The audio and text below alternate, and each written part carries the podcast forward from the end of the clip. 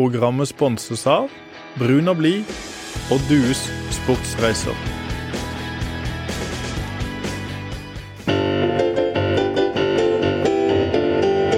Heltene fra Sørlandet, kledd i gult og svart. Uten frykt i øyene, kjemper for IK Start. Vi skal bryte bølgene, og sammen skal vi slåss. For skula er trygg på vannet, og mannskapet best i landet. Heia Stad, heia Stad, heia Stad, heia Stad. Hei og velkommen til fotballradioen. Julespesial, Jesper. Her blir det, ja, det blir god stemning, litt uh, trist stemning, litt uh, jubelstemning. Litt uh, forskjellig i dag. Ja, for I dag skal vi love folk eh, julestemning, startstemning. og I den anledning tok jeg med meg et lite keyboard da inn i studio for å gi dere en ganske fin åpning. Og hvis det var noen som lurte på hvem som sang, så var det deg, Jesper. Det var dessverre ikke med. Men eh, dette her er en kar som alltid er interessant å snakke med. Han husker alt som har skjedd de siste 200 årene, spesielt da i Starts, Kristiansands historie og sikkert masse annet som ikke jeg har hatt så veldig mye interesse av. Men dagens gjest, ingen ringere enn legenden Asbjørn Hansen. Tusen takk. Det var litt av en intro, Jesper, men jeg satte pris på det. Jo, men for de som ikke da vet hvem Asbjørn Hansen er, kan du gi oss en kjapp intro av deg sjøl? Født i 49. 11.12. Vokste opp i Kuelmen i Framnes. Bor nå i Startskade, som du selvfølgelig vet er Gyldenløvs. Og har jobba på UiA, er pensjonert, men ikke arbeidsledig, og fortsatt har et stort hjerte for Start. Hvorfor har du det store starthjertet, Asbjørn? Ja, Det har nok med at min far, Adolf Arntzen het han, han var, meldte seg inn i, i, i Start rundt 1930. Og han er O-sportens far her på Sørlandet, var orienteringsløper.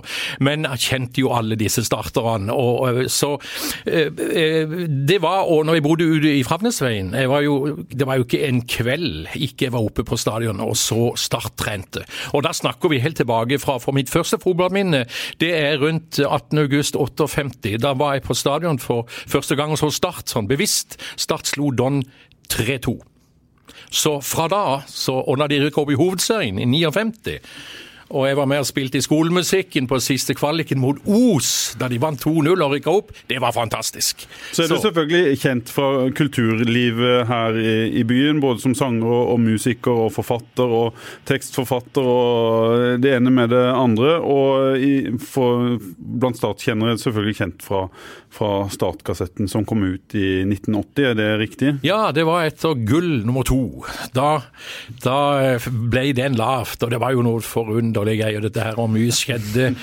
Jeg vet ikke om, om, det er interessant jeg forteller, men jeg hadde vært i, hadde vært i Oslo og inne i NRK og gjort noen, et salmeopptak av alt på jord. Spilte en som sang inn en god del salmer, av bl.a. Svein Ellingsen her borte fra Saltrød. Og så kom jeg opp på Fornebu, og så hørte jeg plutselig mitt navn ropt i høyttaleren.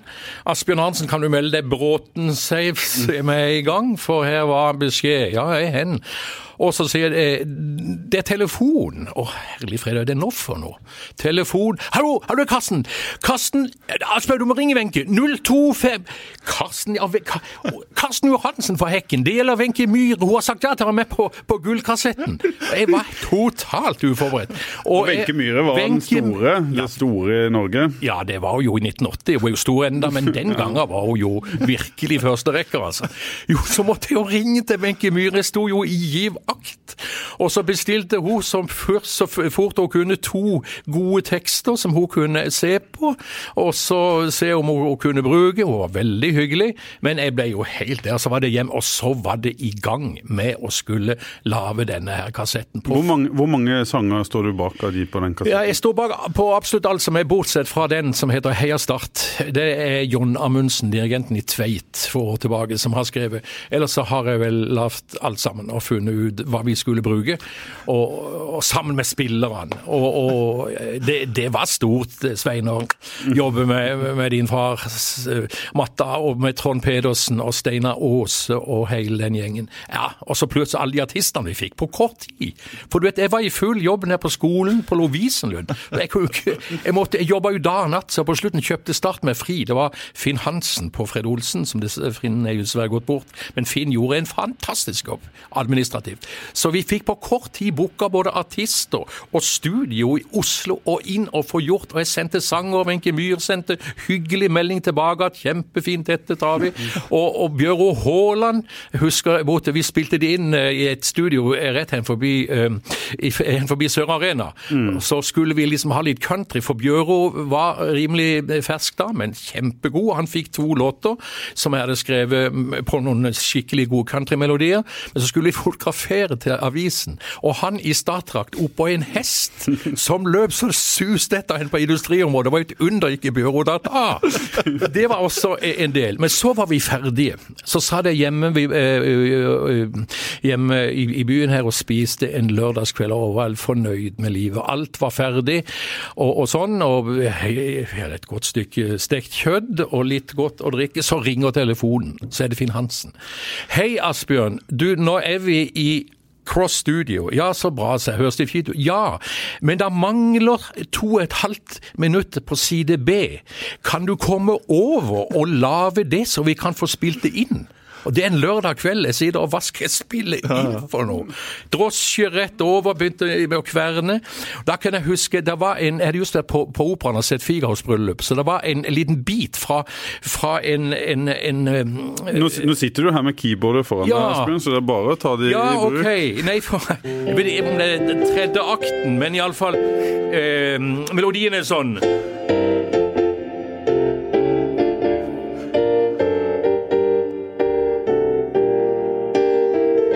Og så tenkte vi har vunnet denne kampen. Vi har vunnet på en filler road. Det er fra det opptaket som hvor, hvor Bjørge Lillelien han refererer Starts kamp imot Liverpool i en finale, og på overtid får Start straffe. Og Svein Mathisen skårer 3-2-seiersmålet på overtid. Og dette sitter Bjørge altså i en forblåst og iskald eh, plass hen i Cross Studio. Det var så kaldt, og han satt med omtrent en presenning. Og ingen kan høre at han sitter og fryser seg halvt i hjel. Det høres ut akkurat som han er på Anfield Road. Det var en fantastisk, fantastisk opplevelse. Men Asbjørn, vi skal snakke masse om dette. Vi må snakke masse om gullkassetten. Jeg tror dette blir en veldig bra episode. Ja, ja jeg bare sitter og smiler. Jeg, jeg, trenger ikke si så mye da. Det er utrolig deilig. Asbjørn eh, er så flink til å fortelle, og alt det han har av historier. Vi har snakka før i denne podkasten om diverse historier fra gamle dager, men her får vi liksom alt i ett. Her får vi alt det beste fra Trond, Karsten, pappa og resten av startgjengen, pluss mye, mye mer. Ja, men så jeg må bare si, Jesper, så husker jeg første gang din bestefar Alf han spilte på Start i en treningskamp høsten 58 mot Strømmen. Og så kom han til Start, han flytta til byen, det vet du selvfølgelig, og meldte seg inn i Start. Dessverre så fikk han en skade som gjorde at han fikk bare fire minutter i hovedserien. Det var mot Brann i begynnelsen av mai 1960. Så han fikk ikke så mye mer i hovedserien. Men jeg så allerede da at dette Du verden for en god spiller. Og røyk på han òg. Og kjempehyggelig. Ja. men Vi skal selvfølgelig snakke om dette, som sagt, men vi må eh, eh, først Det har gått litt tid da, allerede i episoden, men vi må ta en, en eh, liten prat om, eh, om, det som skjedde tidligere i uka. Eller i slutten av forrige uke, er jo riktig. Karsten Johannessen, statslegendariske gulltrener, gikk bort. Asbjørn, hvordan minnes du Karsten? Karsten minnes jeg med et varmt smil. Og jeg hadde mye med Karsten å gjøre. Eh, jeg traff han vel helt bevisst da vi var eh, tidlig som en tidlig liten gutt ned og kjøpte klær hos han i Dronningens gate. Og det var alltid stas å handle med Karsten. Han kjente jo hele min familie. Og etter hvert når han kom inn som trener, og det er vel rundt 60-61, så, så var, jeg bodde jo på stadion da, så på treningene, hørte hva Karsten sa, hilste og ble kjent med spillerne. Og så er det dette, selvfølgelig, da det, da det nærmer seg eh, disse store årene på 70-tallet og, og, og, og 80-tallet Men Karsten står for meg som en ekte kristiansander, en ekte Gardasgutt, og som alltid var åpen for å dele sin gode historie, sitt smil, og hadde greie på fotball, og var inspiratoren. Mm. Og det er vel det som, som, på en måte, det vil vel mange av de som spiller, spilte den gangen si, det var inspiratoren, Karsten mm. Johansen, som fikk frem det beste i det. Han eh, var i start eh, over eh, en periode på 42 år. Ikke, alle, ikke sammenhengende, men var hovedtrener i 18, 18 sesonger. En vanvittig periode fra 54 eh, til 96. Jesper, eh, din eh, første minner av, av Karsten, hvordan er, er de? Jeg har vokst opp med Karsten i starthallen på stadion, nede i Dronningens. Eh, både pappa og farfar eh, satte Karsten eh, ikke bare ekstremt høyt, jeg tror de satte han eh, høyest. Det var kun gode ord å høre om Karsten eh, mens de to eh, var blant oss. og det skjønner jeg jo, for som Asbjørn sier, det var alltid et smil, det var omtenksomhet, det var et stort glimt i øyet. Samtidig så kunne han fleipe med å være veldig alvorlig. Hver gang jeg kom inn i denne her klesbutikken hans i Dronningen, så måtte jeg måle spensten min. Så da var det altså å ta av seg på skoene og fram til denne her bjelka som sto midt i butikken, og så var det bare å satse til. Og meg og pappa var ganske ofte innom, så etter hvert så var det veldig mange streker på denne her veggen midt i, nei, denne her bjelken midt i butikken. Og Karsten alltid var maks innsats, og det var liksom streng beskjed om nå skal du hoppe det du kan, jeg må sjekke spensten din! Jeg må sjekke spensten din, Jesper! Og så går det med spensten din! Har du trent i dag? Alltid den. Eh, og han og pappa drev jo denne her klesbutikken sammen i sin tid. Det gikk jo ikke. Han uh, mente at pappa ga altfor mye rabatter, spesielt til unge jenter fra byen. Så det var lite overskudd, og til slutt så overtok vel eh, Karsten den butikken, og pappa fikk en krone eller 50 øre eller to kroner eller noe sånt. Så de to har enormt mye god historie. og har jo blitt fortalt historier opp gjennom tida. Fra eh, et eller annet utdrikningslag og Karsten, opp gjennom eh, Elvegata, og de fleipa med politiet. Og politiet mente at her var det noen i bilen som lukta alkohol, og, og det sa pappa ja, det gjør vi alltid. Og så kjørte de videre opp til denne her Dronningens 22, og så er det denne her for eller mot atomvåpen, som alltid har blitt fortalt at våre gutter skal ha det beste. Mm. Karsten var jo en ener, og derfor minnes han jo så sterkt. og Derfor er det så mange som ble lei seg da Karsten nå gikk bort, men samtidig, når du er blitt et par og 90 år og du har vunnet to gull, og du har vært elska av en hel landsdel og nesten hele Norge også, for mm. veldig mange utenfor uh, Sørlandets grense også har sendt meg melding de siste dagene og sagt at du må hilse Karstens familie og takke han for alt han har gitt oss. Han hadde jo en tilnærming til fotball som jeg savner litt i dag. I dag er alt så alvorlig, alt uh, betyr så enormt mye med tanke på økonomi osv. Karsten og de som vant uh, dette her gullet i 78-80, og de som herja rundt da, de hadde nå en sånn ganske unik tilnærming til dette, og jeg tror aldri man får det like gøy i en garderobe igjen som det de hadde da. Hva tror du det betydde, Asbjørn? At uh, Karsten kasta seg jo ut i ting, og tabba seg jo av og til ut med ting han sa, og fikk folk til å, å le. Hva, hva, betydde det i, i den eh, sammenhengen med at han var fotballtrener på det høyeste nivået i, i Norge? Nei, men eh, det betydde selvfølgelig utrolig mye. For det at eh, han, han, han, eh, han, var seg sjøl. Han eh, var så langt fra noe sånn uh, akademisk fotballmann som det går an å komme. Og så hadde han, og det må sies, Jesper og Pål, han hadde jo et spillermateriell den gangen.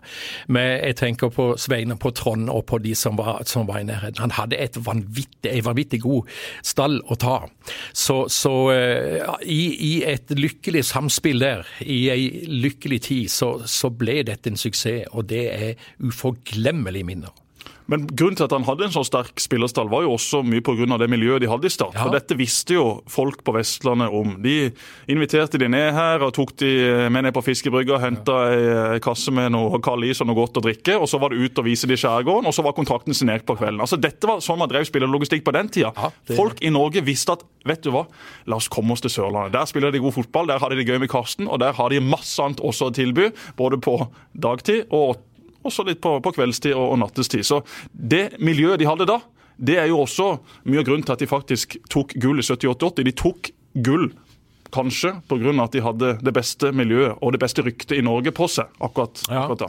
Og så er det en liten tanke at uh, etter hvert nå så må jo banespikeren ha et språkkurs for å kunne uttale disse navnene som skal spille på Sør Arena, for å si det litt pent. Mm. Den gangen var det jo uh, det var ille nok hvis det kom en donner eller vigør over og ble, gikk sånn, eller fra Vennesla, eller hvor det måtte være. Det, det var liksom en, en, en byens gjeng. Det var, mm. Ja, det var folk med, med integritet her her til, til både landsdelen og til byen. Så, men det er klart, det er en tid for alt, og ting er i forandring. Men, men det, det, er, flotte minner å tenke tilbake. Og, og når det er sånn som Karsten, som, den, som Karsten står i på en måte litt i, litt i sentrum i dag, så, så, er det veldig rørende å se tilbake på. Så men altså, du, Det livet han har levd av før, altså, Alle kjenner han som fotballtrener. ikke sant? Alle vet hva han gjorde med makrellfotballen og gull og, ja. og, alt dette her. Men hvem var Karsten før han ble trener? Nei, eh, Født i 25, og for meg som musiker så er det interessant å se de årene han vokste opp, hva slags musikk han vokste opp med. Og hva, det, hva som rørte seg ute i verden, og hvilke trusler som kom. Og, og, og det, er, det, er, ganske sterkt å vite og lese om, at, og det har jeg hørt litt gjennom min far, som kjente Karsten veldig godt, og som at Karsten kom i fangenskap på Grini. Det er det ikke så mange som eh, Nei, har Karsten, eh, framme i Som en ganske ung gutt. Han var vel 17-18 år da han kom, kom inn der. Og, og, han har fortalt meg bitte grann om det. Det var ikke så mye han ville si om det, men, men, men han, han, hadde noen historier derfra. Og det er klart, Eh, det lærer jo en, en, en ung, nesten si ung gutt som Karsten. Du, du blir merka av sånn, både mentalt og, og, og noen ble det også fysisk. Men Karsten kom altså ut og, og, kunne være med å bygge landet og bygge klubben videre og begynne på, med en dag med blanke ark og fargestifter til. Og du verden for noen fargestifter han har, han har levert, altså, underveis. Men du sier han satt på Grini. Hva, hva, hva innebærer det? Nei, det innebærer ikke sant, Grini var jo ikke noe eh, Det var ikke noe søndagsskole, det. Det var hard, hard, hard disiplin og, og, mye tragisk som skjedde. Og, og eh, på å si dødsdom og, og, var jo en, nesten en daglig, daglig foreteelse, ting som ble gjort. Og det var hard eksersis og, alt dette her. Nå, nå har ikke jeg snakket sånn med Karsten om hvordan han kom seg ut av det, for han har ikke sagt så mye, iallfall ikke, ikke til meg om det. Men, men, men det er klart at han satt på Grine i nokså nøyaktig et halvt år før, før, freden kom. Så han har fått et innblikk i det som har prega han, eh, og som har vært viktig for han videre når det skulle bygges videre, også ikke minst i Start. Og så var han en god fotballspiller? Ja, han var, han var en god fotballspiller. De forteller om det. Han var hard, og, og ganske så hard, men han reiste til Amerika på, eh, vel på slutten av 50-tallet og, og, eh, og, gikk vel glipp av, noe, av noen gode fotballår der, før han kom tilbake som trener og som altmuligmann videre. Så, så, men, men, du verden for en Han har vært på innersida av startmiljøet helt, helt fra han var ung gutten. Vi må bare legge til at Grini er jo en, en fangeleir som ble drevet av tyskerne her under, ja, under andre verdenskrig, for de som ikke mm. vet hva, hva, Grini er. Og ikke så langt unna vel konsentrasjonsleirene de hadde i, i utlandet, selv om uh, det ikke først og fremst var jøder som var i, Nei, i fangeleirene. Og det var jo ikke noe utrydningsleir. I, sånn, men, men uh, så, så jeg kan vel si jeg har, jeg har tenkt å spille litt grann en del musikk som, som, som, skal på en måte karakterisere Karsten. Eh, meg om å spille i hans bisettelse, og, og, da eh, har jeg tenkt å legge opp et lite program fra 25 og litt utover, eh, og også med, med litt fokus på, på, på Norge, mitt Norge, og litt med Grini og litt sånn videre. Så, og pluss to, to hits, fra, en fra 78 og en fra 80. Gull gullsesongen. Det, det fortjener han. Så jeg skal gjøre så godt jeg kan. Litt mer om Karsten Asbjørn, før vi må ha litt uh, musikk. Hvordan klarte han å få den posisjonen han fikk i, i Start? Karsten var seg sjøl. Det tror, jeg, det tror jeg de fleste vil si. Han var seg sjøl, han var ekte. Han, kunne, han, var ikke så veldig god med vitenskapelige ord og, og, teorier, nei, nei. Men han hadde engasjement, et fantastisk engasjement. Han hadde humor. Bare jeg ser flere av spillerne har, har, som han spilte under han, har uttalt seg nå i, i, i, ettertid og sitert han på en del, en, del, en del, ting. Det er fantastisk. Det er klart, sånn måtte jo virke. Og begeistringa. Jeg, jeg, glemmer jo aldri telefonsamtalen inn på Fornebu som jeg sa plutselig du må ringe Wenche med en gang, hun har sagt ja til å være med. Jeg jo Var det han som fiksa det? Ja, Karsten fiksa det. Jeg vet ikke også åssen han fiksa det. Om, om, om han fikk låne motorbåten på sommeren. Og det som skjer når vi kommer inn og skal kjøre opptak på kort varsel, det er at Lava, den kjente gruppa, de viker plass når Wenche Myhre kommer inn og skal synge to sanger med på start, jeg glemmer jo ikke sånt tidspunkt. Hva sa Trond Granlund i Lava da? Ja, nei, Det så veldig greit ut. De, de, de booka Wenche Myhre hadde jo en vanvittig flott posisjon. Så jeg, det er jeg litt stolt over, å ha, å ha jobba var sånn som det. For, og det kokte jo på Markens da vi skulle presentere denne her. Og det var jo faktisk noen som vedda, som tapte penger. De hadde hørt at Start ble europamester i fotball. De hadde hørt Bjørge Lillelien. Og det, to, to som vedda på det. Det var jo bare et fake-opptak. Men nei, det var helt Ja, men Dette vokste jo vi opp med gullkassetten. Ja, ja. Jeg husker jo at vi har hørt den tusenvis av ganger. Jeg husker også vi hadde mange kopier liggende i noen plastikkposer på, på loftet. Sikkert noen som var til overs. Men Ja. det ble solgt, eller gitt bort, mange av disse kassettene. Vet du nå, Start tjente enormt mye penger på det. Hva, hva var opplaget? Eh, Heter det opplag, Ja, nei, forresten? vet du, det, vi, Hvordan er det kassettbransjen? Nei, det var liksom Det var jo eh, styr, det var Stallemo og gjengen som styrte det, så vi, jeg, akkurat, jeg fikk aldri greie på det. Og da, jeg fikk honorar, så var det en 14-dags tur til, til Israel sammen med svigermor i 1981. Fantastisk tur. Det var liksom oppgjøret for den. Vi var like til Betlehem og vel så det den, den gangen. Ja. Du, Hva var det som var den store hiten på kassetten? Kan du ta noen, noen strofer, eller? Ja, altså eh, Den litt vemodige Jeg tenker på Trond. Karsten var veldig glad. Min arbeidsdag på scenen, den er over. Min tid i rampelyset er forbi. I skapet er kostymet mitt i sover. Evig søvn, og der skal det forbli. Mitt publikum har tatt seg nye helter. Jeg vet jo godt alt har sin egen tid. Den var veldig, i, i, veldig bra. Syns den er jeg veldig fornøyd med. Og den, Og den, den sang Trond eh, Pedersen. Den sang Trond Pedersen, og den var Trond veldig glad i. Og Karsten var veldig glad i den. Og Jesper, du har jo eh, fått et spesielt forhold helt sikkert til den. Eh, den sangen ble sunget av, av Trond i din Ja. fars eh, Det, begravelse. det er nok mitt eh, sterkeste minne fra pappas begravelse. Da Trond sto og, og sang sin egen vri av denne sangen her. Og eh, det vet jeg også er kanskje det sterkeste minnet for eh, både mamma og Ingrid Anne også. Som, eh, altså, å se Trond stå der og, og synge den sangen, er- ja, det er ikke langt til jeg begynner å, å grine her jeg sitter nå, men dere er i så godt humør, så vi skal, vi skal la oss eh, styre unna det. Men Men fantastisk. kan, kan vi få opp humøret her, Asbjørn? Ja, altså, vi snakket om Wenche Myhre, vet du. I seierens en stund når medgangsvinden blåser dit du vil. Alt går så lett, og publikum de jubler. Lykken er vår, lenge den vil skinne på vår vei. Men så en dag har lykken tatt slutt. Husk at både motgang, sorg og glede må vi alle vende.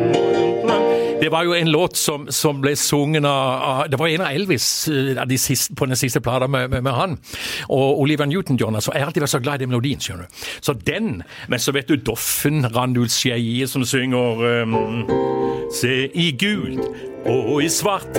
Det er laget fra start. Det er fotballens vår melodi. Så sang jo alle guttene disse her, den medleyen med, med, med, med, heiasang. De sang til og med Din fars uh, Jesper har vært med og sunget opera.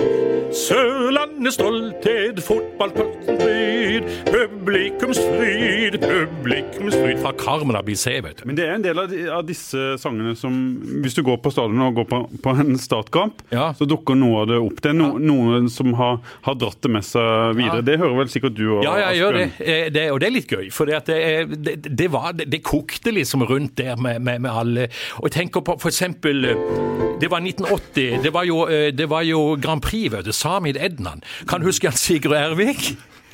Spiller, eh, Jan Sigurd spilte vel kantspiller, og så spilte han. Og så sang han jo den der eh, joiken, vet du. Startjoy. Heia, lilla, lilla, lilla, la, lilla. Og hvor det kribla ifra hauet til tåa. Heia, lilla Det var jo så gøy, altså. Ja, Men tenk så gøy dere har hatt da dere spilte det! jo, vi hadde jo det. Det var, det, Kan du det var tenke det? helt fantastisk, altså. Men jeg spurte deg, Asbjørn, du, vi hadde et møte her for et par uker siden og prøvde å avtale og få i stand dette. og Du er en, eh, en eh, aktiv eh, pensjonist som har mange jern i ilden. Men da, da spurte jeg deg, eh, hvis Start hadde kommet til cupfinalen, ville du lage en ny eh, sang til dem? Eh, jeg hadde nok det. eh, hvis de hadde spurt meg. Men det er klart, det, det er jo gjerne disse unge låtskriverne som blir engasjert. Det, det har jo vært litt sånn. Men, men eh, jeg husker i 2005, eh, Jesper og Pål, da vi holdt på å vinne gullet. Mm. Da hadde jeg lavt eh, en sunget inn en eh, oppå en sånn operaarie. Eh, nå er den vanskelig å spille på, på, piano, men jeg hadde gjort han klar. Hadde vi hadde han med oss over på stadion og skulle bare kjøre han rett inn i kassa. Jeg, jeg var sikker på at de skulle slå Fredrikstad. Og, og, og den er fra Barberon i Sevilla. Um, er det her en urpremiere vi får nå? Ja, altså bitte grann. Nok husker jeg ikke så mye av den, men, men det er jo opera. Mm. Nå er vi 90 minutter fra Ullevål la-la-la-la-la-la-la. Og så videre.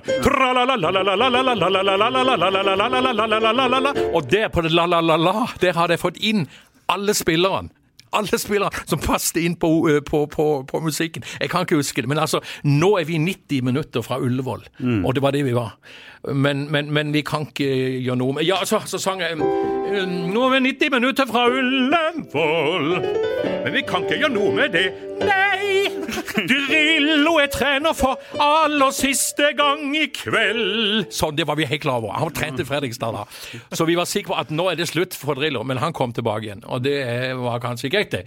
Men jeg hadde liksom lagd en, en, på en operasang, og det er klart det, det hadde vært gøy om det hadde slått inn. Men det er små marginer som i livet ellers. Det er jo det. Du, har, du, har, du, klart å bevare det gode forholdet til Start gjennom alle disse åra med opp- og og nedturer? Ja, ja, ja, visst har jeg det. Og, og jeg, klart, altså, jeg, ble jo kjent med, med, med, den neste generasjonen. Godt eksempel er jo Jesper. Vi har holdt god kontakt. Mm. Og, og også flere av de. Så, så, så, så, det er greit. Jeg har vært på, på seniorklubben der over og hatt uh, små kåserier. Men du vet, det er jo Det er gjerne, det er gjerne til og med liksom midt på 80-tallet, også litt i, da det holdt på å, å bli gull i, eh, i, i 2005. 2005 femårflats. Mm. Men, men det, det, har med min oppvekst å gjøre, med de som var heltene den gangen. Som rykka opp i 59. Jeg kan enda, jeg kan enda si det. Eh, si det eh, Lagoppstillinga til første kampen imot Viking slutten av juli 59. Kom an. Attila Bende, Dagfinn Vesterby, Rolf Andresen, Kjell Pettersen, Ivar Bø, Rolf Tofte, Rolf Lie, Leif Grunnetjern, Johan Svennevig, Karl Johan Bassen Biseth og Einar Ellingsen. Dessverre er mange av disse gått bort. Mm. Men du verden, når jeg treffer de igjen. Og jeg vil vel mene at Leif Grunnekjent, spiller nummer åtte, han er i like god form nå på et par 80 år som han var i 59. Så det er, det er de der sterke, de sterke minnene der, altså. Men selvfølgelig gullaget, ja ja ja ja, bevar meg vel. Men fordi jeg var, jeg var, jeg var jo med og spilte i skolemusikken på, på kvaliken i Modos, mm. og jeg dunka jo det der blanke, flotte hornet mitt i koksgrusen så det ut som et trekkspill da Einar Ellingsen skåra 2-0. ja, det var fantastisk. Men eh, var du sånn som reiste på bortekamper? Var du eh, supporter, eller var du mer det som likte livet rundt, Nei, møte menneskene? Eh, altså, Jeg likte jo best det, og det var jo kjent jeg var jo på, Men jeg var jo nesten på alle treningene om kvelden. Lurte meg ut. og mm. Asbjørn, har du gjort leksene? Ja, jeg skal bare sånn. Og opp på grusbanen og så på håndballkamp på AK, for de har kjempelag, de òg. Og så var det ned og se når Start Men du var veldig fotballinteressert? Ja, ja, ja, Du likte spill og ja, jo, taktikken? og... Ja, det var jeg jo, men jeg spilte jo sjøl helt opp Jeg spilte jo opp til, til junior B. Da, da, fant jeg ut at eh, Da tok jeg dommerprøven. Tok dommerprøve faktisk for 50 år siden. Jeg var mm. kretsdommer. Men jeg, jeg var krets- og sørlandsmester i, syv, nei, i 63. Spilte sammen eh, gjester med Kålås. Svein? Ja, Svein Kålås, Kålen, mm. som var med på, på Gullaget. Han har vi mye gode historier om. Ja, og, ja, og, og, og, eh, og Kai Osdal. Eh, med Kålen avgjorde Kretsendalen i smågutter i 63. Frispark rett før slutten. Det var 0-0 mot Givakten i Kvinestad, eller på Giavakte. La en høy ball inn. Og så kom Sven dunka bang 1-0. Seiersmålet. Arnsen Kålås. Full, full, full honnør. Så var det jo seiersmiddag etterpå vet du, på Solborg hotell i Mandal. Karbonader 450. Solo. Det var jo fantastisk å kunne bli feira. Vi var blitt sørlandsmester. Ja. Jesper, eh, fantastisk å ja, altså, høre på. Asbjørn, eh, jeg gleder meg virkelig til denne dagen her. At han eh, endelig skulle få det til å passe. At vi skulle få det til å passe. At alle tre skulle få det til å passe. og Vi var kjapt innom begravelsen i stad. og Da pappa eh, røyk, så ringte vi Asbjørn med en gang og ba han eh, komme for å bidra med hva slags musikk vi skulle spille, hvordan vi skulle bygge opp denne begravelsen. Og begravelse er jo trist. Ja, det er jo det. Men samtidig så er det utrolig flott. Og eh, det står igjen som faktisk et fantastisk flott minne for min del. Og det tror jeg gjelder for alle min familie og veldig mange av de som var der. Det var 1500 mennesker i nabobygget her. Og det ble en utrolig flott bisettelse. Og det skal du ha mye æren for, Asbjørn. Så det, vi er evig takknemlige for at du ville bruke tida di på det og, og, og, hjelpe oss i den tida der. Og min søster også, Anne, hun yngste av de, ja. hun var 15 da pappa døde. og utrolig sånn følsom. og Dette var selvfølgelig ekstremt vanskelig for oss alle, men kanskje spesielt for hun som bare var 15 år. Mm. Og for hun å snakke med Asbjørn å få meldinger fra Asbjørn og liksom få vite hvordan var pappa. Altså Hvordan var egentlig pappa da han var på sitt beste? Hvordan var han på banen? Hvordan var han utafor banen? Hvordan var han i de og de settingene? Det å få oppleve pappa gjennom Asbjørn er jo et eventyr. For det også var grunnen til at jeg begynte å skrive bok, at jeg var redd for at minnene liksom skulle forsvinne. Jeg ville få ned i en perm mye av de gode historiene som var, og hvordan pappa var. Ikke bare for meg, men for veldig mange andre. Og det er utrolig morsomt å høre gamle historier, ikke bare fordi at det er pappa, men like mye om, om, alle disse her andre. Og jeg tenker igjen da, som vi om tidligere, tenk så gøy de har hatt det. Ja, de vant gull og hadde det gøy, men spille inn kassetter og lure seg ut på byen og ha det gøy der. og Det var jo et eventyr fra ende til annen. og Derfor også, som pappa ok, Han ble 58 år, skulle gjerne hatt han i mye lengre tid, men tenk hva han fikk oppleve på de 58 årene. Tenk hva Karsten har fått oppleve på sine over 90 år. Altså, Ja, det er trist når sånne folk dør, men så må man samtidig evne å tenke vet du hva, om man får oppleve halvparten eller 20% av det de har fått oppleve, da må man være veldig fornøyd. Du vet, Det er mulig at jeg, i, forbindelse med, med, med, fars begravelse så hadde jeg tenkt å sette liksom et punktum med orgelet der, på liksom det der litt symbolske til hele folket. You never walk alone. Men så var det heldigvis, jeg tror det var Svein Otto som sa alt i verden.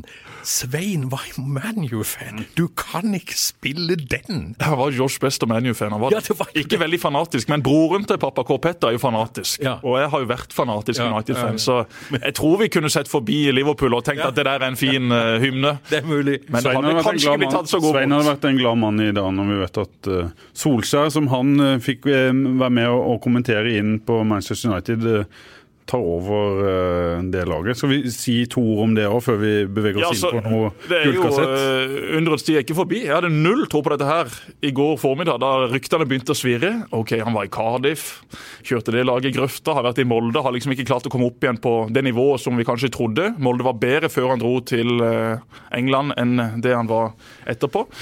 eller Wales, eller hvor i all verden vi skal si at Cardiff ligger. Men ufattelig gøy. da. Tenk så stort for norsk fotball. Vi har hatt masse spillere over i Premier League, og det har nå vært uh, flott å følge med på det. Men nå er du trener. Altså Det er veldig få trenere i Premier League, og det er mye færre trenere i de største klubbene. Og Manchester United, som er da verdens kanskje mektigste, rikeste, største klubb, ikke den beste akkurat nå, men de vil på en eller annen måte komme seg tilbake dit, for de har så enormt med penger, og de er så populære rundt forbi hele verden, at Solskjær nå skal over og bytte ut Ranheim med Arsenal og Liverpool på motsatt halvdel. Han skal bytte ut Wolf Eikrem med Pogba.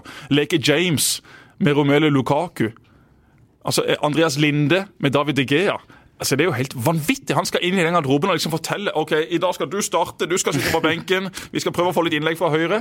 Hva tenkte du, Asbjørn? Prøve å få i gang Alexis Sanchez. Ja, ikke sant. Jeg fikk jo skrevet på det så vidt at, at det, var, det, var, skjedd, og det er jo fantastisk. Og, og, det er jo ikke det er jo ikke unaturlig, for han må jo ha Det må jo være noe med Ole Gunnar Solskjær som gjør at han har så høy stjerne. Og det, jeg sa til deg også det at ja, men har du Gollas seiersmål på overtid i, i eh, i, i Champions League-finalen, League som han gjorde mot Bayern en gang, så kommer du ikke særlig høyere enn det, altså.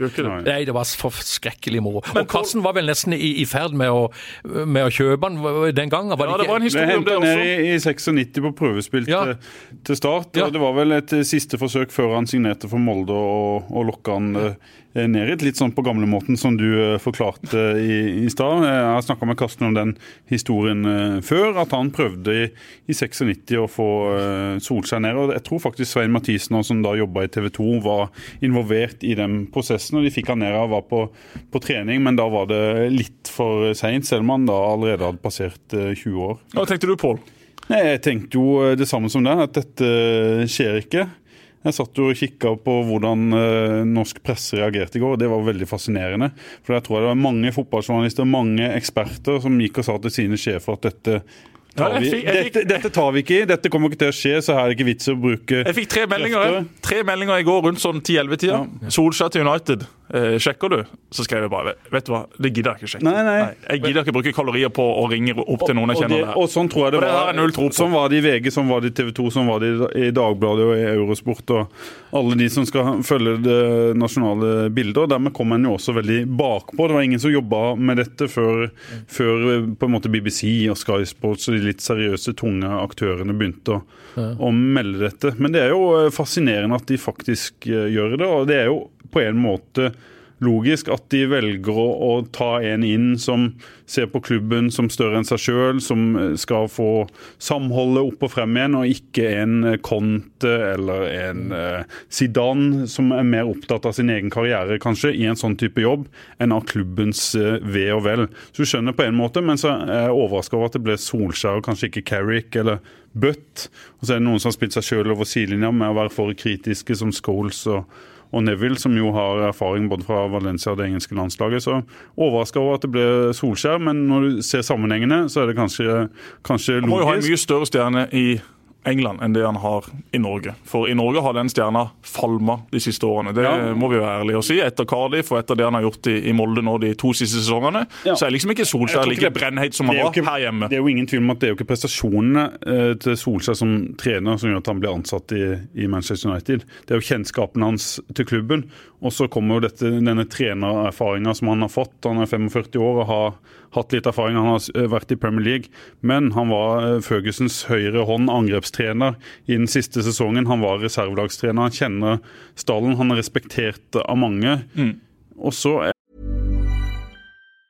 When you're ready to pop the question, the last thing you want to do is second guess the ring. At Bluenile.com, you can design a one of a kind ring with the ease and convenience of shopping online. Choose your diamond and setting. When you find the one, you'll get it delivered right to your door. Go to Bluenile.com and use promo code LISTEN to get $50 off your purchase of $500 or more. That's code LISTEN at Bluenile.com for $50 off your purchase.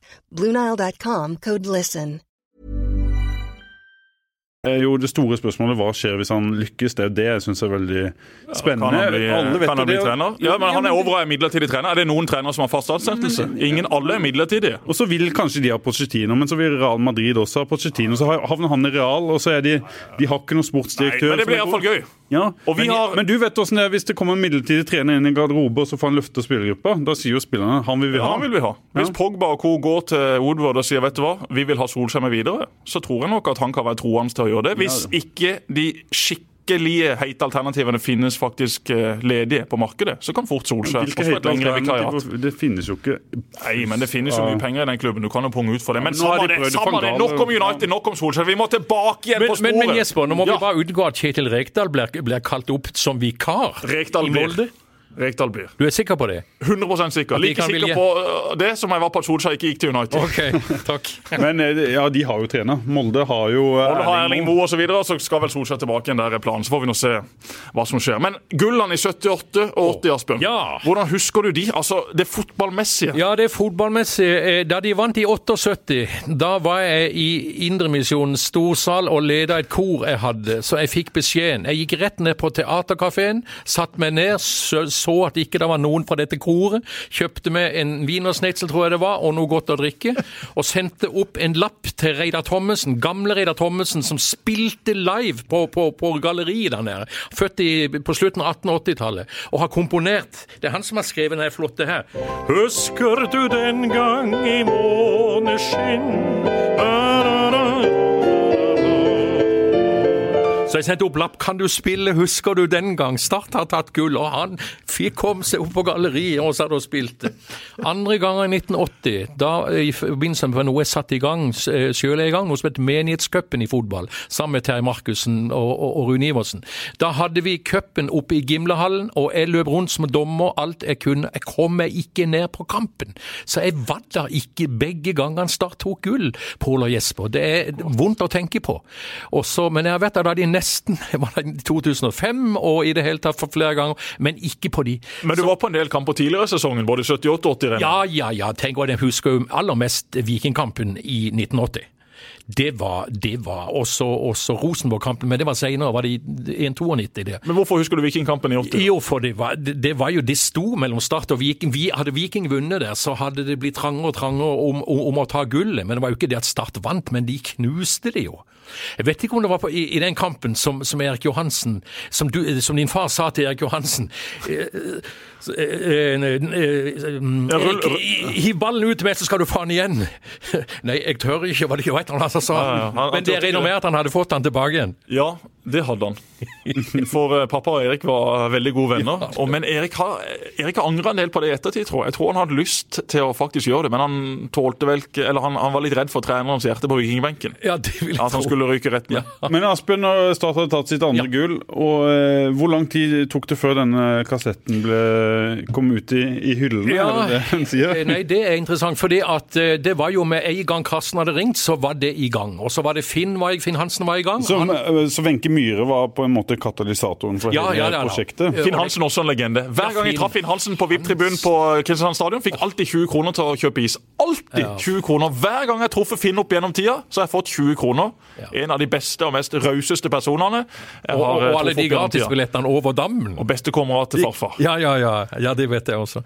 Nei, det var, det var når Finn satte i gang, men når vi hadde fått uh, go fra Wenche Myhre, og du vet, jeg, det gikk og jeg også, også var, var, nervøs, tenkte nei, disse tekstene har ikke det litterære innholdet med rim og rytme og bla, bla, bla.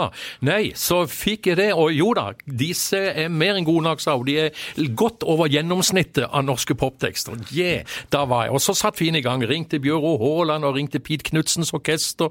Uh, uh, Booka dette til Studio, og så var det Doffen skulle ha en låt, og så var det å, å skrive til starterne og få samla de og synge kor. Det var ikke så enkelt, det, men det, det høres flott ut.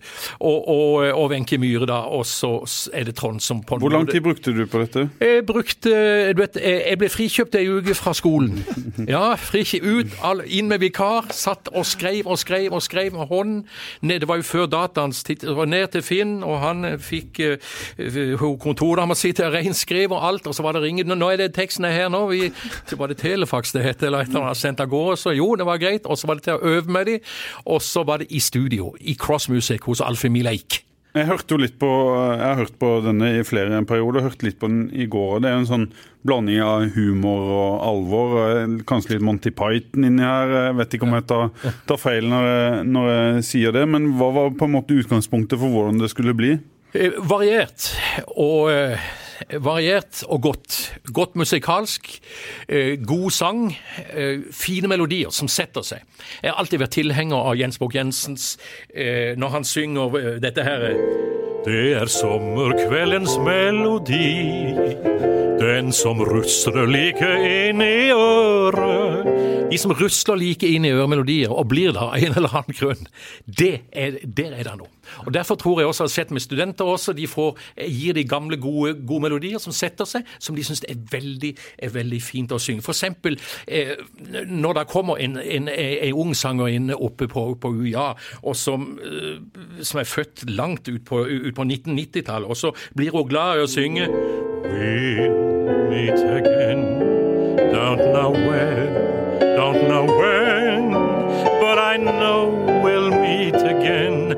some sunny day.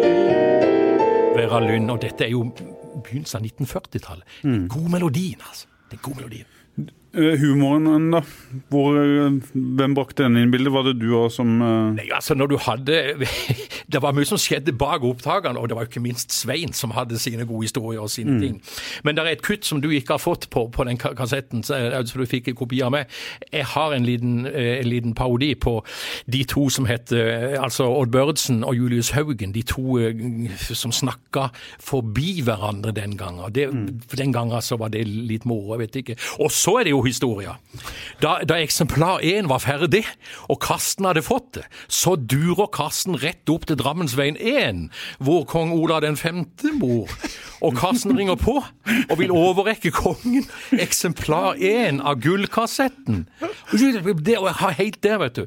Og så kom da et brev til Start til Finn, som jeg aldri har fått sett, fra hans kabinettsekretær Vincent Bommen, hvor man sa hva man syns om akkurat en sånn en. Fordi at uh, det, det, er liksom kongefanfaren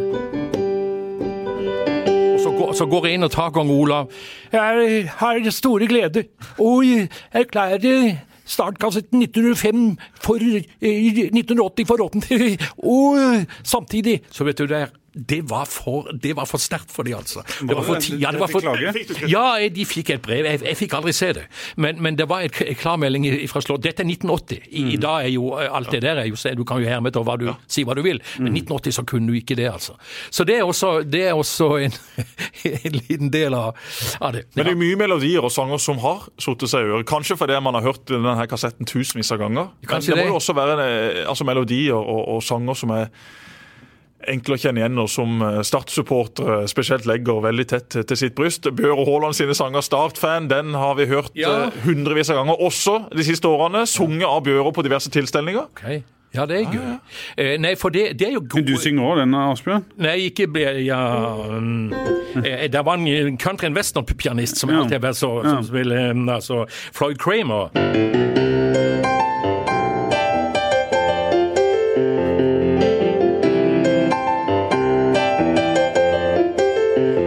Var noe av de, av de gamle låtene som så var fin. Men Startfan er det de kaller meg for. En ekte Startfan i gult og svart. Men ellers har jo den, den til Doffen. Det er ikke Kristoffer Hestad vi snakker om her. nei, Doffen eh, Brandu Skeie, en stor eh, entertainer som var med på annet en stor programserie her, eller eh, entertainer-show som heter Showtime på, på slutten av 80-tallet. Og, og ehm, eh, låten heter 'Give Me Five Minutes More'. Og den er gammel, men Doffen sang til i i svart, det er laget fra start. BF publikums yndling og nå Det låt, altså. Ja, ja, det, det setter seg, hva? Ja, det gjør det. Ja, det gjør det. Jeg skal rett hjem og høre på den etterpå. Men du har, har du digitalisert den, var det det du sa her om dagen? Jeg, ja, jeg har lagd et, et spesialopptak eh, til Pål her, eh, om til en CD, vet du. fra Vi må få lagt ut noen av de på, Vi, eh, vi på skulle jo, deres. ja, ja, men så er det jo dette med rettigheter og, og, og sånne ting. Hvorfor, er ikke, hvorfor kan du ikke finne statssangene digitalt, eh, Asbjørn? Jeg vet ikke hvorfor ikke Start har eh, lavt pressa noen CD-er som noe minnejubileum, et eller annet, og så solgt på Sør-Arena. Det vet jeg ikke, jeg styrer ikke med det. Men det er en del eh, Men hvem har rettighetene? Er det Start? Det, Nei, det er jo altså rettighetene er jo det er opphavsmennene. Uten at jeg vet helt Altså, dette er jo det er Men har ikke du en del av disse rettighetene, eller? jo, jeg har jo lagd noen tekster der, og har lagt, det, det er så, men, men eh, det ble Jeg vet ikke om det var et engangshonorar den gangen, du vet åssen det var 14 dager Men dette musikkstudioet som produserte 14, de hvis du får 14 nye dager til Israel uten svigermor, kan det gå? Ja vel, altså, jeg, jeg vet ikke om jeg tør reise ned der. Så nei, nei, Jesper, jeg vet ikke det, men, men det kan være men, men altså, jeg vet bare at den opplevelsen, det intense opplevelsen ved å lage det, og se på, på, på Markens, en nydelig sø, snøfylt desember da, utenfor Rasmus Tallaksen der, med svært anlegg og full guffe på, på, på disse sangene. Folk var helt i ekstase. Dette er jula 1980? Ja, ja, ja. ja. Det, er, eh, det er rett før jul. For de siste opptakene hadde vi rundt, eh, rundt min bursdag i, i, tidlig i desember. Så det at det- jeg tror vi, vi er vel nærmere den 14.-15. i 12. De kokte den der. Og han som tapte veddemålet fra Start, var blitt europamester, og i det hele tatt. Så det er, det er Og Start tjente mye penger der. Ja, det gjorde det. Eh, så da det Tallet, jeg spurte om det i stad, jeg vet ikke om det kalles opplag eller eksemplarer, da. Nei, jeg, jeg, jeg, skulle vel tippe i- imellom s- 15 og 17 000. Og, og, og eh, det var mye penger den gangen. Jeg vet ikke hvor mye kosta 89 kroner, eller noe rundt 90 kroner. Men, men det var fin, fin heading foran, vet du, med Starts, det gamle Starts-flagget der, vet du. Som, Det ble tatt noen bilder på tatt, ja, i, i et bildeblad som het uh, Aktuelt, tror jeg det var. Ja. Av, av alle vi som var med. Ja, det var ikke på denne båten. eh, Det ble jo tatt noen bilder på eh, Sørlandet. På Sørlandet. Det var ikke i Jo, forbindelse Jo, det, det, var, det var der de kom rett etter at de hadde vunnet gull 80. Ja. Eh, oppe, oppe på dekket der. Mm. Da var eh, hele den gjengen der. Så, for, eh, og det er også Karsten. Vi får komme tilbake til han. Den reportasjen som Bjørge holdt når han, repet, når han repeterer eh, den der cupfinalen, når vi slår eh, Liverpool helt sånn bare der, så hadde Karsten sagt hvem han skulle nevne spesielt. Det er selvfølgelig Svein som tar straffen, helt på overtid, og det, det er full valium på hele gjengen der. Og så, men så nevner han, husker du en, jeg vet ikke om dere husker, det var en, Vi husker, vi er jo født eh, Jo, Jeg er født i 78, og Jesper er født litt ut på Ja, jeg vet det. 80-tallet. Langt men, men ut på eh, 80-tallet. om dere har lest eller hørt om Start hadde en, en, eh, en, en spiller, en forsvarsspiller som heter Rune Sagstad. Som ble sterkt skada i, i ei ulykke på sommeren der. Så han lå på sykehuset. Startlaget var oppe i, da de hadde tatt gullet. Det første de gjorde, kjørte opp på sykehuset til Rune og fortalte og liksom sånn, og det var stort. Og, og i den reportasjen fra Liverpool, fra Anfield Road, der har eh, Bjørge Lillien fått beskjed om å nevne Rune Sagstad, som sender ballen til, osv. Og, så og Kai Josdal. Og Trond Pedersen. Og Trond Pedersen, ikke sant. Så det var helt tydelig, det, det, dette var, Men det, det, er veldig vakkert, den detaljen med Rune Sagstad. Det var viktig for, for, for Karsten og for meg. For Rune ble vel aldri noen fotballspiller igjen, han, men det var en ganske, ganske tøff skade han hadde. Så det, det, er også en del av den der, ja, identiteten, omsorgen. Du, eh, det var jo noen av disse statsspillerne som faktisk kunne synge. Eh, Trond eh, Pedersen er jo nevnt her. Ja. Svein kunne synge, Steinar Aase. Eh, de fikk jo den der, og det var jo, det var jo en, en, en, en, en, en kassett den gangen som var, gikk som varmt veddebrød. Husker dere Smurfene? Ja, ja. Vi var det mørke fastland, Norges fotballkart. For andre gang en fotballskole på havna nede i Stad. Vi synger gull, baberiba. Gull, baberiba. Gull. Yeah. Og så kommer det det opptaket når din far skårer mot Sverige. På, Norges fotballkart. For de som hadde den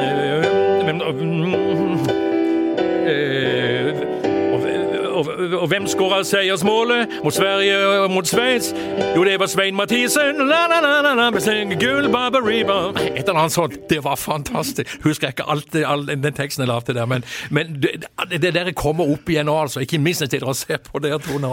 Men var, var din far interessert i musikk? Eh, Jesper han synger jo også på denne sangen som øh, en synger den da i, i dag, som vel kom på begynnelsen av 90-tallet. Ja. Helt på slutten av 80-tallet. Heia, Ja. heia Start, der han synger Ja, på han var glad å verset. synge. Han var jo det. han. Var jo glad i å være i, i festlige lag, og de hadde mye sosialt. Og Da var han ofte glad i å synge. Jeg vet ikke hvor flink han var til å synge, men han var i alle fall veldig glad i å synge. Og så hadde han også disse stevene sine. Og Davy Vatne mener jo at pappa er grunnen til at George Best ble litt utpå igjen, og til slutt røyk. Fordi at eh, George Best var oppe i eh, Bergen eller på Vestlandet et sted, og utpå kvelden da så gikk eh, pappa opp på et bord og tok da et av sine Setesdals-stev. Og det gjøres da med fullstendig innlevelse. Han blir helt rødsprengt i trynet, og det er ganske hard kost. Og da, eh, midt i dette stevet her, så tror jeg George Best hadde fått nok, og han gikk da i baren. Og det mener Davy var begynnelsen på slutten for eh, pappas favorittspiller.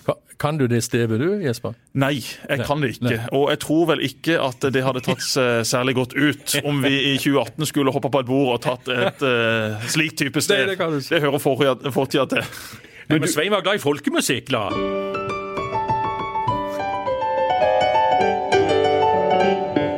Ja, nei, det Men Men for har- et, for et gehør! altså, De som kan spille piano eller gitar, altså, de er alltid misunna. Og mamma hadde jo en drøm om at jeg skulle bli sånn, så hun sendte meg ned til Jan Erik Austrud på Musikkens hus Ja. i to år. 15 minutter i uka. Jeg øvde jo aldri hjemme, så ble jeg jo ikke noe bedre. Men pappa satte oss i bilen, kjørte nedover og snakka hver gang om hvorfor skal vi gjøre dette. Pappa sa nei, men vi må gjøre mamma litt glad. Hun har en drøm om at du skal kunne litt musikk. Så nå må du bare tenke på at så lenge mamma er fornøyd, så kan vi ha det greit hjemme. Så derfor kjørte vi ned. Ja. Det var noe gøy å lære seg. Jeg lærte meg Love Me Tender, ja. og så lærte jeg meg én sang til. Ikke sant.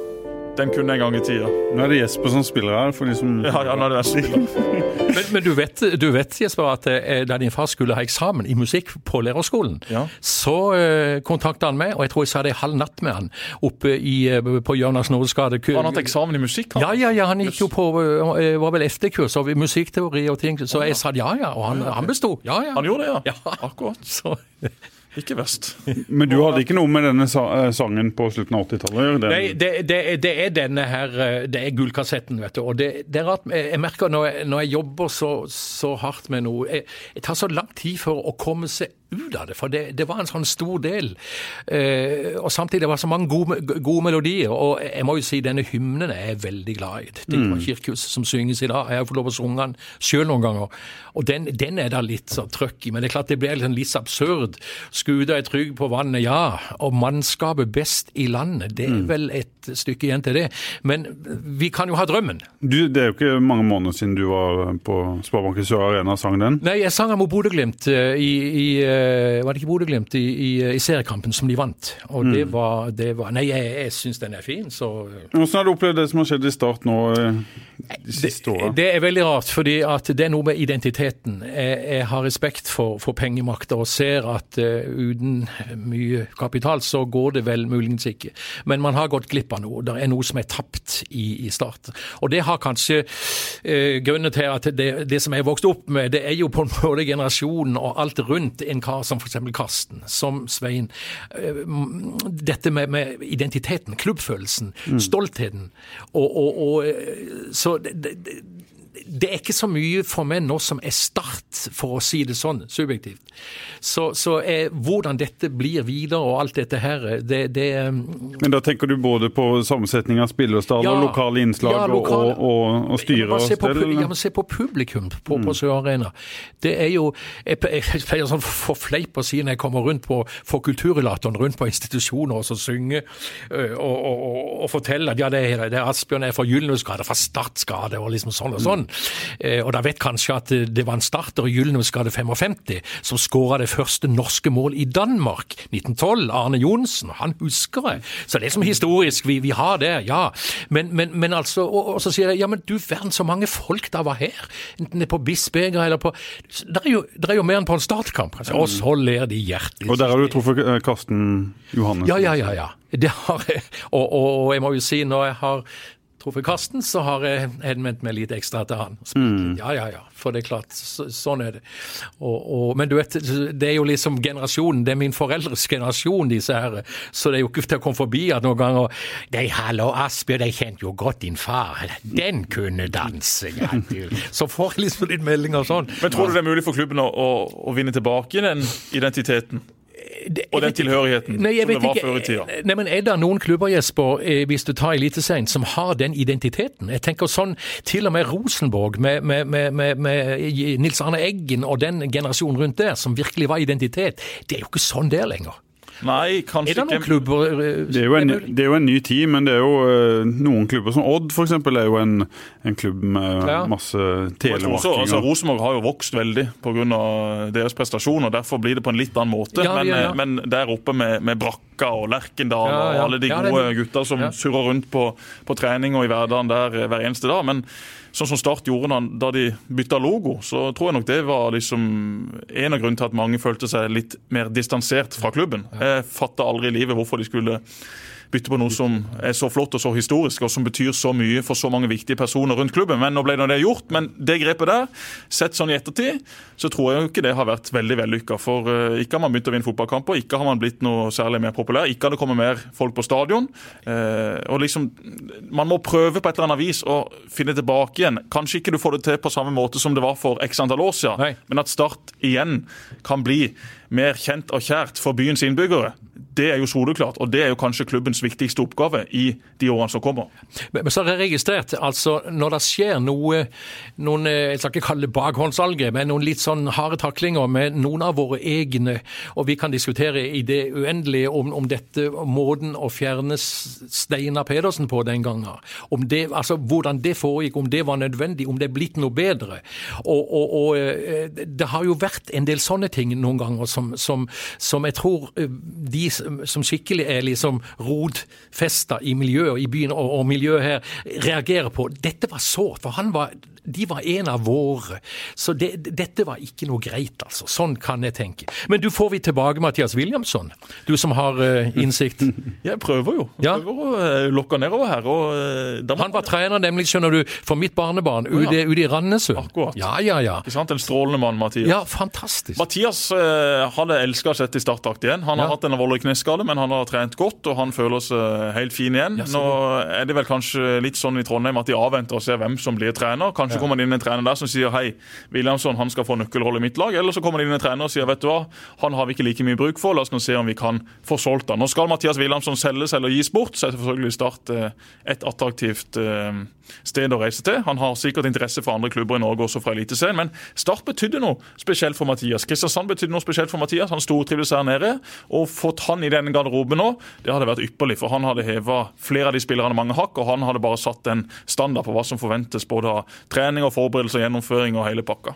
Så er det vel en type år som eh, en fort kan se for seg Hvis han ønsker å være i Norge i en eller annen eh, rolle, enten i utviklingsavdelinga eller jeg, jeg kan se for meg at han har eh, trenerambisjoner. Ja, absolutt. Jeg kjenner jo at Mathias Absolutt, ik- om ikke så hovedtrener, så og som assistent eller med de yngre, så altså har et uh, veldig fint fotballhode. Er jo en strålende fyr og 100 profesjonell på alt han gjør. Så uh, hvis man henter Mathias Williamson nå, så må, det jo være først som spiller i et par år, men da også som en uh, type i, i en eller annen klubb. da. Så, så hadde jeg vært startleder, så hadde jeg gjort et veldig seriøst forsøk på å få det til. Og hadde han kommet, så skulle jeg med glede spilt den islandske nasjonalsang. Det er en av de fineste jeg vet. Å ja.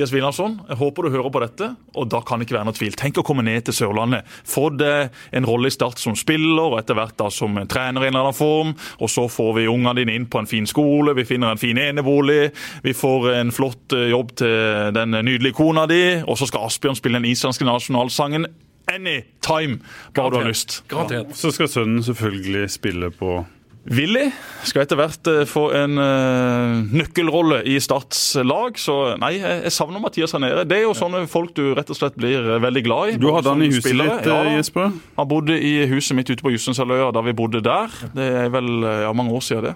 Ja, ganske mange år siden. Men han bodde da i kjelleren, og der hadde alt av fotballkanaler. Det var egentlig alt han trengte. Han satt og så på svensk fotball, dansk fotball, islandsk fotball, norsk fotball. Utrolig interessert i fotball. Han bodde der alene mens familien venta på Island. Så kom de nedover etter hvert.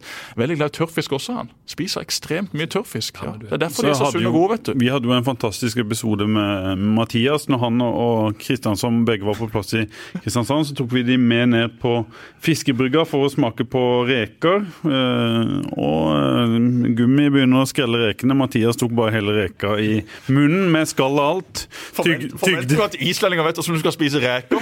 Ikke sant? Når de har vært her litt i tillegg. Og Mathias sto liksom på direktesendinga og bare knaska i reker med disse her følehornene og halen og skallet og hele pakka. Og så sa han vel etterpå at han hadde noen i familien sin som jobba som reketråler eller et eller annet. Han, han eh, ga klart inntrykk av at eh, dette var hans måte å spise Men det var tull. Det var løgn. Ingen som spiser reker på den måten der. Selv ikke på Island. De er tøffe der oppe, de er staute, men de spiser ikke reker med full outfit på. De må skrelles. Men Jesper, jeg må, jeg, nå, nå tenker jeg, du, du var jo, du trente jo, spilte jo under Tom Nordli. Ja. 2005. Små marginer. Det vet du jo Veldig. alt om. Så hadde vi en Jeg hadde ansvar for et eh, en stor, sånn, stort eh, arrangement der på Hotell Norge, hvor jeg, eh, vi bøyde inn litt sånn forskjellige koryfeer, kul- kultur. Og så hadde vi bøyd inn Tom Nordli. Og Margrethe Erikstad, som dessverre nå er gått bort. Men Margrethe, stor korleder og, og vel skal vi, på mange måter en slags Kristiansands svar på både Wenche Foss og Åse By, jeg vet ikke alt hun var. Og så var det snakk om at Tom Nordli kom, han var jo, det var rett etter den kampen, vet du. Og han holdt et flammende foredrag om små marginer og, og viktigheten av blant annet. Og så går hun frem, hun skulle lese dikt blant annet. Og så sier hun og Tom Nordli, så ser hun på han med sitt smil, han smelter med en gang. Vi er jo fra Skien begge to. Og Henrik Ibsen er fra Skien, vet du. Og han har skrevet et nydelig dikt om sølvet. Og sølvet er ikke nederlag, Tom Nordli, sa hun til han, vet du. Og så, jeg vet ikke om jeg spilte den, men det er, det, jeg syns den var, det var så vanvittig bra parert av Margrethe, og Tom smelta helt. Og, den er sånn Sølvet det er seg så edelt et malm, det smuldrer ikke som høstens malm. Lå det i jorden en tusende år, det smuldrer aldri, det aldri forgår. Livets lyst er som høstens mann. sorgen er sølvet, det skulle bare hørt det, han linjemannen som, som vinka for den der oppløpede. Nei, bare et lite vi aldri. min. Han glemmer vi aldri. Nei, vi gjør ikke det. Vi må begynne å, å um, runde av. Asbjørn, du kan jo tenke på noe som kanskje kan være passende som en um, avslutning. Vi har jo avslutta tidligere episoder eh, når vi har hatt Frank Mersland som gjest, med Like til Betlehem. For der har jo Frank Mersland en nøkkelrolle. Roy Emanuelsen har en nøkkelrolle. Og dette er jo et stykke du har satt opp. Det er Vi har ikke hatt så mye julestemning, da. Nei, vi har ikke det. Men lille julaften skal jeg opp til Mr. Emanuelsen. Da ser vi alltid gjennom et gammelt klipp som ligger på NRK. Det? Ligger på nrk.no fra 86. 86. ja. Roy har en rolle som eh, Hva kaller han? eh, Roy er vel land... Jeg vet ikke om han var hyrde. Han var, jeg lurer han var hyrde. han var hyrde. Ja, ja, Han var hyrde. jeg hadde en flott hyrdegjeng. Og Frank er også hyrde. Frank er også hyrde. Ja, ja, Frank litt mer fremtredende enn Roy. Jo, det kan Men du begge si. to leverer til terningkast seks. Der er det mange kjente som er med. Ja, det er det. Det var eh, også, eh, også gode minner fra dette. Den er skrevet i i 85. Veldig kraftfull sang. Like til Betlehem, altså. Syns du det? Ja, den, du tenker på selve Ja, selve sangen. La oss gå like til Betlehem! Men men vi, vi, vi, OK, du vil ha den som en avslutning? Ja, vi må avslutte. Vi skal ikke avslutte ennå. Vi, må- vi må snakke et par minutter til. OK, greit. det. Vi må det. Det er jo du som uh, Og så skal du feire jul, Asbjørn. bestemmer. Feire jul, julaften hjemme med, med, med Grete, med kona mi, og så min sønn Nils Kristian, og så barnebarn Tone Charlotte og Tor Jørgen, og fire barnebarn som jeg elsker å synge og spille og danse, så vi gleder oss veldig til. Og vet du, vet du hva vi må gjøre før eh, sesongstarten i 2019? Da må vi ha en live fotballradio hvor vi inviterer alle som er glad i Start. Og så får vi med Asbjørn på scenen, som da skal sitte og spille litt og gjøre litt sånn som vi har gjort i dag. Så skal vi også få med et par gamle helter. Helt Tenk det er så nostalgisk og morsomt. Dette her Kanskje vi kan godt. få med Tror du Trond kan være med? Og, Trond er med. Trond kan være med. Ja, bevar meg vel, det er jo et kjempegøy. Trond er Jo, men vi, vi leier et eller annet sted, og så setter vi oss på scenen, og så snakker vi, og så lader vi opp til sesongoppkjøringa, og så skal vi samtidig mimre litt tilbake. Kanskje har vi noen gamle klipp, kanskje har vi noen gamle utsnitt fra denne her eh, legendariske kassetten. Det gjør vi. Så skal vi få litt live også. Jeg, jeg, jeg skrev jo eh, Jeg har en del eh, sånn eh, fredagsviser som jeg skrev på slutten av 80-tallet, inn på 90-tallet for NRK Sørlandet annenhver fredag. Og det har, jeg, det har jeg mye med med Start. Jeg har Jeg husker så godt Jesper den gangen Start hadde spilt, måtte spille kvalik mot Bryne for å holde seg. Eh, 89, var det det? jeg lurer på om det var 8, nei, 88, 88. tror jeg det var. Eh, Svein var med. Og, og så, var det, så hadde Reidar Kvammen, den legendariske vikingspilleren, førstemann som fikk 50 landskamper her, hadde vært på kampen. Han nekta å gå før han hadde snakka med Svein. For Svein hadde sagt nå er det definitivt slutt. Så snakka Reidar Kvammen med far. Og så eh, Svein var jo med litt grann i 89 igjen. Han hedda vel inn en mot Lillestrøm der. Også. Ja, men, men, men, men, men eh, eh, Da kan jeg huske da det gikk opp for meg at, eh, at Svein skulle slutte, så ble jeg litt vemodig stemt. Og så var det, kom der, Jeg skrev en, en tekst da jeg kom hjem fra Bryne. Jeg var så hes. Jeg hadde skreket noe så sinnssykt. Men så skulle jeg opp om morgenen. Jeg fikk beskjed av en av Du må lage ei, ei, eller Alodin, du må lage ei vise og komme opp på morgenen og synge. For Start greide jo dette her. Og Så hadde jeg laget ei, og den heter Teaterkatt Matta. Jeg vet ikke om du, om du har sett Nei, det er fra denne Teaterkatten, vet du, fra, fra, Ja. fra Cats Gass. Iallfall melodi. Jeg husker ikke helt.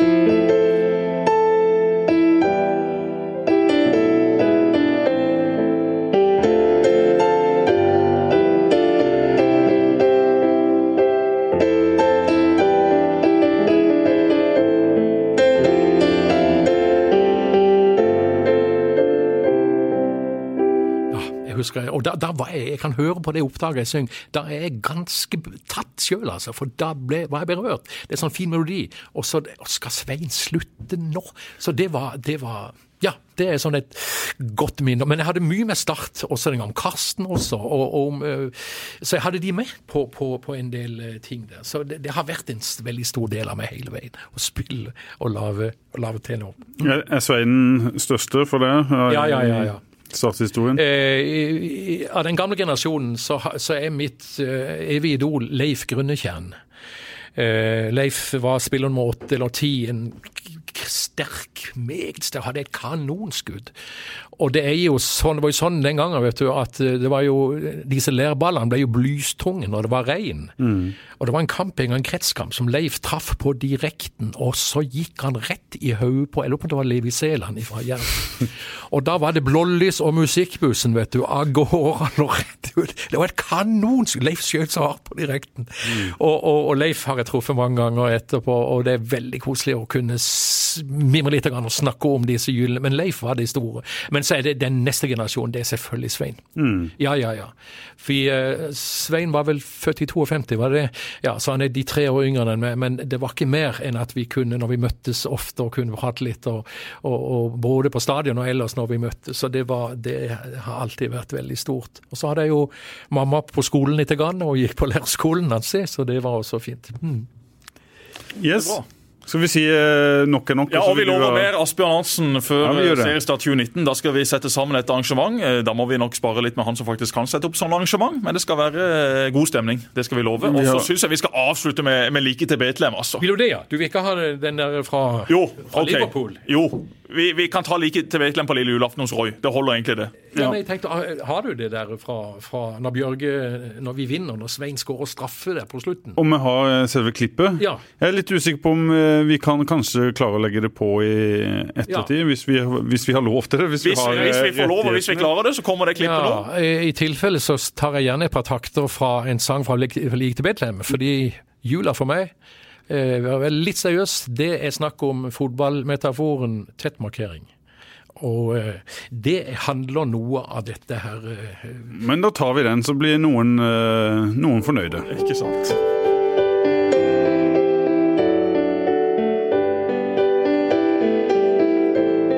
Det er en sang som heter Morgenstjernen.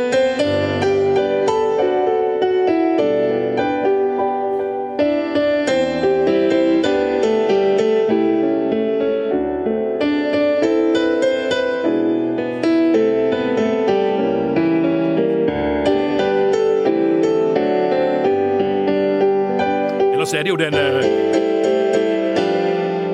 La oss gå like til Betlehem for å se det som englene fortalte om.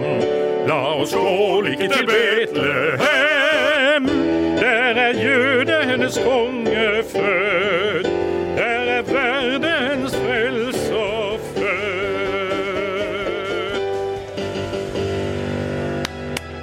Takk for i dag. Asbjørn, riktig god jul. Programmet sponses av Brun og blid og Dues sportsreiser.